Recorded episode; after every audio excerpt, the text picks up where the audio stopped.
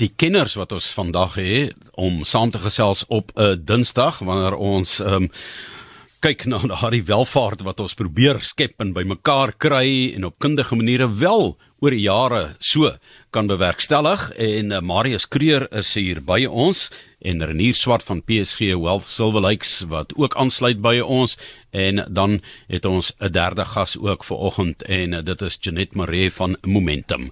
Môre Marius. Goeiemôre Johan en Janet en Renier en luisteraars. Môre Renier. Goeiemôre. En Janet. Hallo Johan, hallo Marius Renier. Almal is hard en duidelik vandag, maar ons wil 'n duidelike boodskap vandag ook oorgee of probeer deurgee uh waarom iemand 'n pakket moet aanvaar of nie, Marius. Ja, Johan, ek dink miskien 'n bietjie agtergrond. Die president het gesê hy wil graag die staatsdiens kleiner maak, hy wil Eskom kleiner maak en ek dink daar gaan baie pakkette aangebied word. En ons het maar met die jare geleer dat mense baie foute kan maak en dis ongelukkig foute wat nie reggemaak kan word wanneer 'n persoon dan nou hierdie keuse het om 'n pakket te neem. Ek dink uh die rede hoekom mense nie 'n pakket neem nie is omdat jy groot skrik omdat jy sien hoe groot is jou pensioenfonds en eerste keer in jou lewe sien jy het 5 of 6 of kom ons sê maar 10 miljoen of wat dit ook al die bedrag is. Ehm uh, en voor 'n mens dan begin om 'n keuse te maak, dink ek moet daar behoorlike beplanning gedoen word. Ehm uh, beplanning om te sien of jy genoeg kapitaal het om jou lewensstandaard te handhaaf. Jy net genou vir ons bietjie meer bietjie vertel oor uh wat is die statistiek rondom al hierdie goed. Maar uh, as 'n mens dit nie gedoen het nie, kan jy eintlik nie die keuse maak nie want ehm um, die ander fout wat jy natuurlik gaan maak is as jy 'n droom gehad het om nog altyd daardie restaurant oop te maak by die suidkus of die noordkus of 'n plaasie te koop wat jy altyd wou gehad het en jy het nie kennis daarvan en jy vat jou pakket en jy gaan jy belede daarin Uh, ek dink ek kan 'n boek skryf oor kliënte wat voor my gesit het wat hulle pakketgeld op so 'n manier verloor het. Ek dink die meeste se wens is om uh, darm 'n groot gedeelte van die lewensstandaarde kan handhaaf wat jy gehad het en dit is dis 'n uitdaging, né? Ja, ek dink jy net jy kan 'n bietjie inkom daarso. Marius, dankie. Ja, ek ek dink jy weet jy sê absoluut reg dat mense baie keer vaskyk na al die miljoene wat hulle skielik sien want ek dink baie mense is nie noodwendig bewus van hoe groot hulle pensioenfonds is nie. Maar ek dink die belangrikste voordat jy daai plaasie koop of of daai besigheid, moet jy daaroor dink dat al daai geld bymekaar gemaak is deur jou lewe om natuurlik vir jou aftrede te voorsien. En die die belangrikste som wat jy moet maak is om selfs op daardie stadium te bepaal of jy genoeg kapitaal weggesit het om vir die res van jou lewe jou inkomste te kan verskaf. En ons navorsing sê dat jy 17 maal jou laaste salaris weggesit moet hê in kapitaal om vir jou jou inkomste te verskaf. Maar dit is as jy as jy teen 65 aftree. Nou jy weet nou, kom ons maak 'n maklike som as jy met ander woorde jou jou huidige salaris 'n miljoen rand per jaar is. Beteken dit jy met 17 miljoen rand weggesit hê om vir jou 'n lewenslange inkomste te kan verskaf. Ehm um, indien jy op 65 aftree. So as jy vandag 55 is, gaan jy baie meer as 17 maal daai laaste bedrag moet hê om om basiese inkomste te kan verskaf wat vir jou jou lewensstandaard gaan handhaaf. So dis 'n dis 'n baie groot som en ek dink die belangrike daar is om om advies te kry. En miskien net 'n laaste interessante in hierdie week het Schroders wat 'n 'n buitelandse dis 'n Britse batebestuurder, hulle doen wat hulle noem die Global Investor Study. En hy is hierdie week gepubliseer. En hulle sê dat wêreldwyd dink mense dat hulle gemiddeld 80% van hulle salaris gaan nodig hê om hulle lewensstandaard te handhaaf. In realiteit in Suid-Afrika ontvang mense maar 60% van hulle laaste salaris. Met ander woorde, jy maak alreeds 'n groot aanpassing aan jou lewensstandaard as jy vandag die gemiddelde Suid-Afrikaner is vandag aftree. En dit sê dat hulle met ander woorde alles gespaar het wat hulle kon en hulle het nie daai geld gaan gebruik om 'n besigheid te begin of iets anders mee te doen nie. Johan, ek miskien net daar byvoeg dat weet as 'n mens dan nou hierdie somme gemaak het en jy het uh, berekeninge gedoen en jy sien maar uh die pakket wat hulle my aanbied gaan heel moontlik net 55% van my inkomste voorsien. Het jy een van twee keuses. Jy moet of die pakket weier of jy moet ander inkomste kry. En ek dink mense moet seker maak hulle die ander inkomste voor die tyd en nie besluit ek het nou altyd al my jare hou ek van houtwerk en ek gaan miskien vir my 'n paar masjiene koop en gaan 'n houtwerk besigheid begin en hoop ek maak 'n addisionele 8 of 10000 rand 'n maand daarmee nie.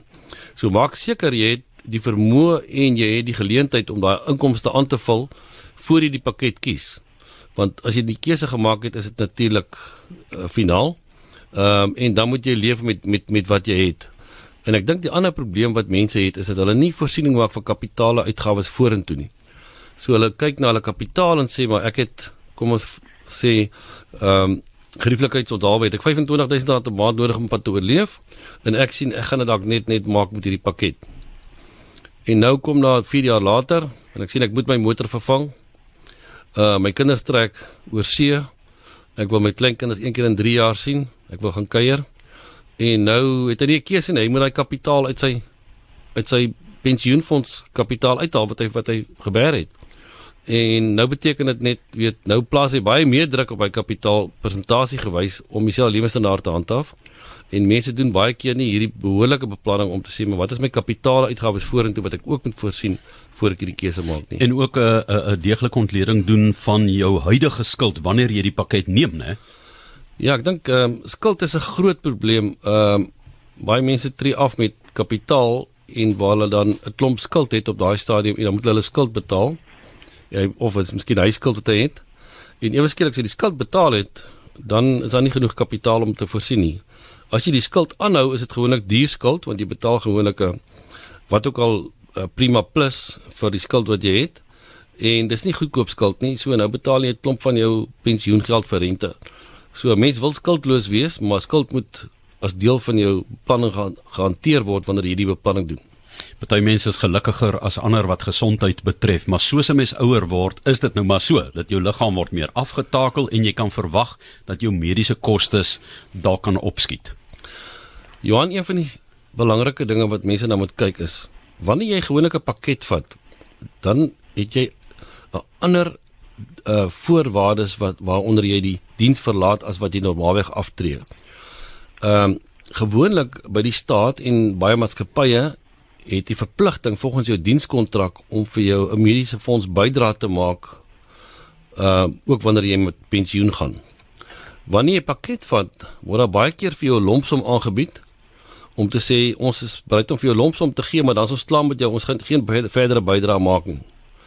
En daai lompsom klink baie aanloklik. Ek het al ehm uh, kliënte gehad wat gesê het hy kry 800 000 rand lompsom en toe ons die sommetjie gaan maak wat hy moet bydra op sy huidige mediese fonds vir die volgende 20 jaar plus die mediese ehm uh, inflasie wat gewoonlik hoër is as gewone inflasie is was die 800 000 nie naby voldoende nie. Maar omdat dit so lekker geklink het het dit op eers op die oor geval en sê maar die mense vat dit dadelik want hulle kry hierdie groot lompsom en dink ag wat my mediese 6 en 'n half of 5 en 'n half duisend rand 'n maand dan het ek 800 000 rand om te voorsien.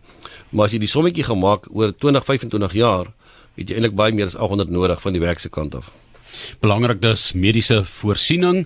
Uh in hierdie stadium het ons al gepraat, moenie ondernemings gaan koop waarvan jy niks weet nie of nie heeltemal weet hoe dit vir jou in die toekoms gaan werk nie. Jy moet kyk na skuld wat jy in hierdie stadium het wat wanneer jy die uh, pakket gaan neem, wat is nog uitstaande skuld en hoe gaan dit uh, in jou kapitaal invreed daar? En dan moet ons ook gaan kyk na wat se opsies is beskikbaar ten opsigte van daardie lompsom en die aankoop van 'n pensioen. Ek dink Renier Swart, hy sit en wag en wil ook graag deelneem aan ons gesprek. So uh, Renier, kan ons dit op die tafel daar by jou plaas? Watter opsies is beskikbaar ten opsigte van die lompsom en die aankoop van 'n pensioen? Ja, Johan, voor die besluit geneem word om om af te tree, is daar maar 'n paar faktore wat in oorweging gebring moet word. Byvoorbeeld, hoe oud is jy? Jou jare diens? Het jy meer as 10 jaar diens en so voort? Elk van die het het implikasies op die opsies wat geneem kan word, asook op jou pensioenfondswaarde. Die die pensioenfondswaarde of die aktuariële belang soos hulle na verwys, ehm um, word bereken deur deur om 'n aktuariële formule toe te pas eh, gebaseer op jou aantal jare diens en finale salaris en ook ouderdom. Maar kom ons veronderstel is 'n normale aftrede dan dan beskik mens basies oor oor die volgende opsies. Jy kan binne die staatsfonds aftree. Jy kan 'n 'n lompsom vat en 'n kontantbedrag in jou bankrekening laat inbetaal of jy kan die totale staatspensioen skuif. Nou met die eerste opsie die binne die fonds aftree, dan ontvang mense lompsom kontantbedrag as ook 'n anniteit wat jou van 'n maandelikse inkomste voorsien. En beide hierdie bedrae is is die berekening van 'n van die formules wat van toepassing is op die spesifieke opsie. As ons kyk na die tweede opsie waar mens die totale bedrag vat as 'n as 'n lompsom. Ehm um, hierso is dit belangrik om om te weet dat die bedrag minder gaan wees as die as die aktuele belang omrede hulle mens wil aanraai om die fondse te bewaar. Ehm um, dit beweeg ook vinnig in in hoë belastingkerwe in en dit is dis nie noodwendig voordelig vir die persoon wat aftree nie. Die laaste opsie wat mens die totale staatspensioen skuif, dit moet na 'n goedgekeurde fonds gaan, naamlik 'n pensioenbewaringsfonds of 'n voorsorgbewaringsfonds.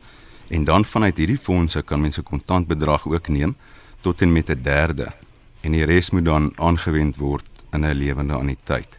Ehm um, met hierdie hierdie hierdie fonds kan mense ook 'n gewaarborgde pensioen koop. Ons gaste vandag is Marius Kreer en Renier Swart van PSG Wealth Silver Lakes en ook saam met ons Janet Maree van Momentum. Janet, as 'n persoon nou 'n lewende anniteit roete kies, Miskien so 'n paar voor en nadele daarvan.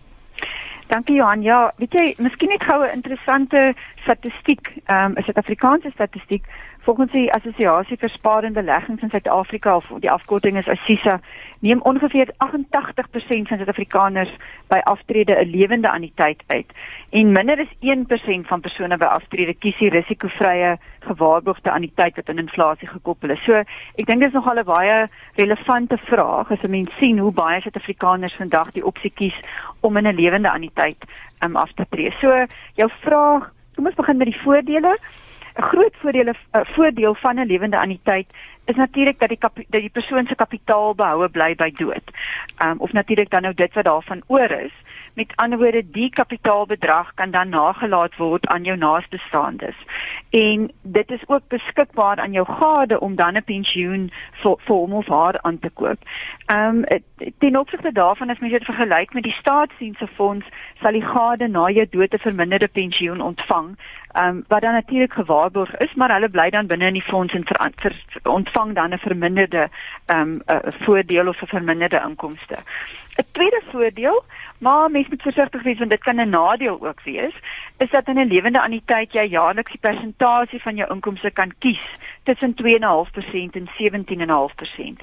En ek dink dis 'n belangrike faktor baie keer by aftrede kry mense kwotasies en hulle kyk na 'n gewaarborgde anniteit teenoor 'n lewende anniteit. En dan kom hulle agter omdat hulle nie genoeg kapitaal het nie, verskaf die gewaarborgde die gewaarborgde anniteit nie vir hulle genoeg inkomste nie. Nou gaan hulle en kyk na die lewende anniteit want daar kan hulle 'n hoër persentasie inkomste neem. Maar dit kan baie gevaarlik wees want dit is baie maklik dat jy oor tyd jou kapitaal dan met ander woorde kan opgebruik. En miskien weer net daar 'n statistiek volgens Assisa oor die laaste 7 jaar het die persoon die die kliënte wat in 'n lewende anniteit belê was gemiddeld 6.7 naby aan 7% van hulle kapitaal getrek as inkomste.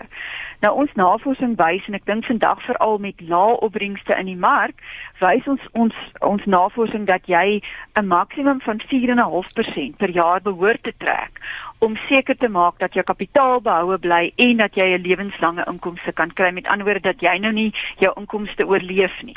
So ek dink jy weet dit dit is 'n dis 'n 'n 'n produk wat vir jou baie opsies bied, maar jy moet versigtig wees. Miskien dan net een nadeel van 'n lewende anniteit is natuurlik dat niks gewaarborg is nie. Met ander woorde, jou vlak van inkomste hang af van die bedrag wat jy gespaar het. Dit hang af van die markte. Met tye wanneer die mark baie sleg doen, is juis die tye wat ons lewende anniteit kliënte swaar kry, want jy weet hulle sien hoe gaan hulle kapitaal agteruit. Ehm um, en jy en jou adviseur dink ek moet baie mooi gaan kyk na daai portefeulje. Ek en Marius praat baie daaroor, maar ons sien dat kliënte geneig is om te konservatief te wees. Met ander woorde, hulle belê te veel van daai geld amper in die geldmark, maar dis dan nie genoeg om jou kapitaalbehoue te laat bly in reële terme jou teen inflasie te beskerm en nog vir jou inkomste te verskaf nie. Dit baie mense dink dit is sensasioneel Marius nou hierdie bedrag wat Janet noem 17 maal jou laaste salaris 4 en 'n half maal dit en hulle dink jy weet jy word nou afskrik gemaak daardeur of of of mense wil geld maak uit jou. Maar dis 'n koue werklikheid hierdie syfers. Johan ek dink mense besef nie hoe lank 20 of 25 jaar is om van 'n bedrag kapitaal te lewe nie. En die feit wat inflasie maak ek onthou uh in die laat 90s toe ek in die of in die vroeë 90s toe ek in die bedryf begin het 91 het ek van die ehm um, veral akademiese personeel gekry wat op daai stadium nie seker groot salarisse kry nie, maar wat hulle lewe lank daar gewerk het, hulle het plus minus 35 jaar diens gehad. En op daai stadium het hulle 'n pensioen gehad van 6.500 rand. Dit was voldoende. En 15 15 jaar later kan daai mense net nie oorleef nie. So die beplanning wat 'n mens doen vroeg in jou lewe en jy sien hier's 'n inkomste stroom wat vir jou voldoende nou is. Ehm uh, elkeen van ons inflasie lyk 'n bietjie anderste. Uh, ek het nou net gehoor dat ons kragrekening en ek ek kan dit nogal bevestig. Ek het getrek van Pretoria af George to 1998 en dit kos my 8 9 keer uh, vir dieselfde groot huis aan elektrisiteit wat ek daar betaal het. So dit was baie hoër as inflasie daai daai daai gedeelte van my kostes, my uitgawes. En as 'n mens dan nog kinders op universiteit het en daai tipe van dinge of wat wat moet gaan. So ehm um, daai laat lammetjie. Ja, so hulle pensioenvreter, dis 'n ander naam daarvoor. vir 'n laat lammetjie. Ja. Uh Maar dit is dit is moeilik om dit te maak werk en baie mense dink nie daaraan om te sê maar ek moet vir 20 jaar lewe. Ek gaan af en toe moet addisionele kapitaal uitvat dalk vir 'n groot mediese onkoste wat nie gedek word nie. Ek is laas jaar deur so iets wat nie deur die mediese fonds in alhoewel jy 'n goeie mediese fonds kan hê. Dis eweskielik 40 50000 rand wat jy nou uit jou fonds uit gaan neem omdat jy dit maar net moet betaal. Jy kan tog want mediese fonds het afsnypunte ja, ook. Ja, dit is goed wat wat jy nie kan voorsien nie. So jy moet eintlik nog boonbehalwe hierdie voorsiening wat jy het, moet jy nog 'n bietjie 'n redelike groot noodfonds hê waar jy kan hierdie tipe van goed tap. Nou, ehm um, ek dink daar's reeds daarop gedui dat ehm um, met die lompsom en die aankoop van 'n pensioen en reniere daarop gewys dat kyk na belasting. Jy weet, en die belastingimplikasies daarvan en ek dink ook die aanbevole persentasie wat jy net na verwys en gaan kyk wat is die belasting? Hoe kom jy uit by daai somme? Maar die belangrikheid om belastingbeplanning te same met boedelbeplanning te doen voordat jy daai finale besluit neem. Hoe hoe hoog op die glyskaal is dit vir julle? Dis baie belangrik. Uh Renier kan miskien nie inkom huis eintlik die slim ou in ons kantoor met belasting en boedelbeplanning ensovoorts. Ehm um, maar uh weet 'n mens moet kyk wat jy in jou sak kry. So uh, dis een ding om te sê maar jou bruto pensioen is dit maar dit, jy moet lewe, jy kan net lewe met wat jy in jou sak kry by eind van die dag en dis wat jy moet hê om uit te gee. Renier? Ja, belasting is is van toepassing ongeag watter opsie mens uh, kies wat uitgevoer word. Ehm um, die kontantbedrag as ook die inkomste uit die anniteit is belasbaar. Ehm um, die kontantbedrag word belas volgens die aftree voordele belastingskaal ehm um, waar tydens die anniteit se inkomste word op die inkomstebelastingskale belas. En die effektiewe belastingkoerse op die twee dele hang hang af van watter kombinasie gekies word. En die regte kombinasie van die kontant en die anniteit sal verskil vir elkeen want elkeen se behoeftes is anders. 'n groot voordeel van die van die staatsfonds is dat die jare diens wat gelewer is voor Maart 1998 belastingvry opgebou is in die pensioen. Dit wil sê die kontantbedrag word proporsioneel op die belastingskale toegepas. Byvoorbeeld as as iemand met 42 jaar diens nou aftree, het hy die helfte van sy diensjare voor 98. Met ander woorde, helfte van sy gekose kontantbedrag gaan belastingvry wees. En uh mens moet seker maak mens maak van hierdie voordeel gebruik. Die eerste 500 000 rand van die belasbare deel word teen 0% belas. So dit is ook ook belastingvry.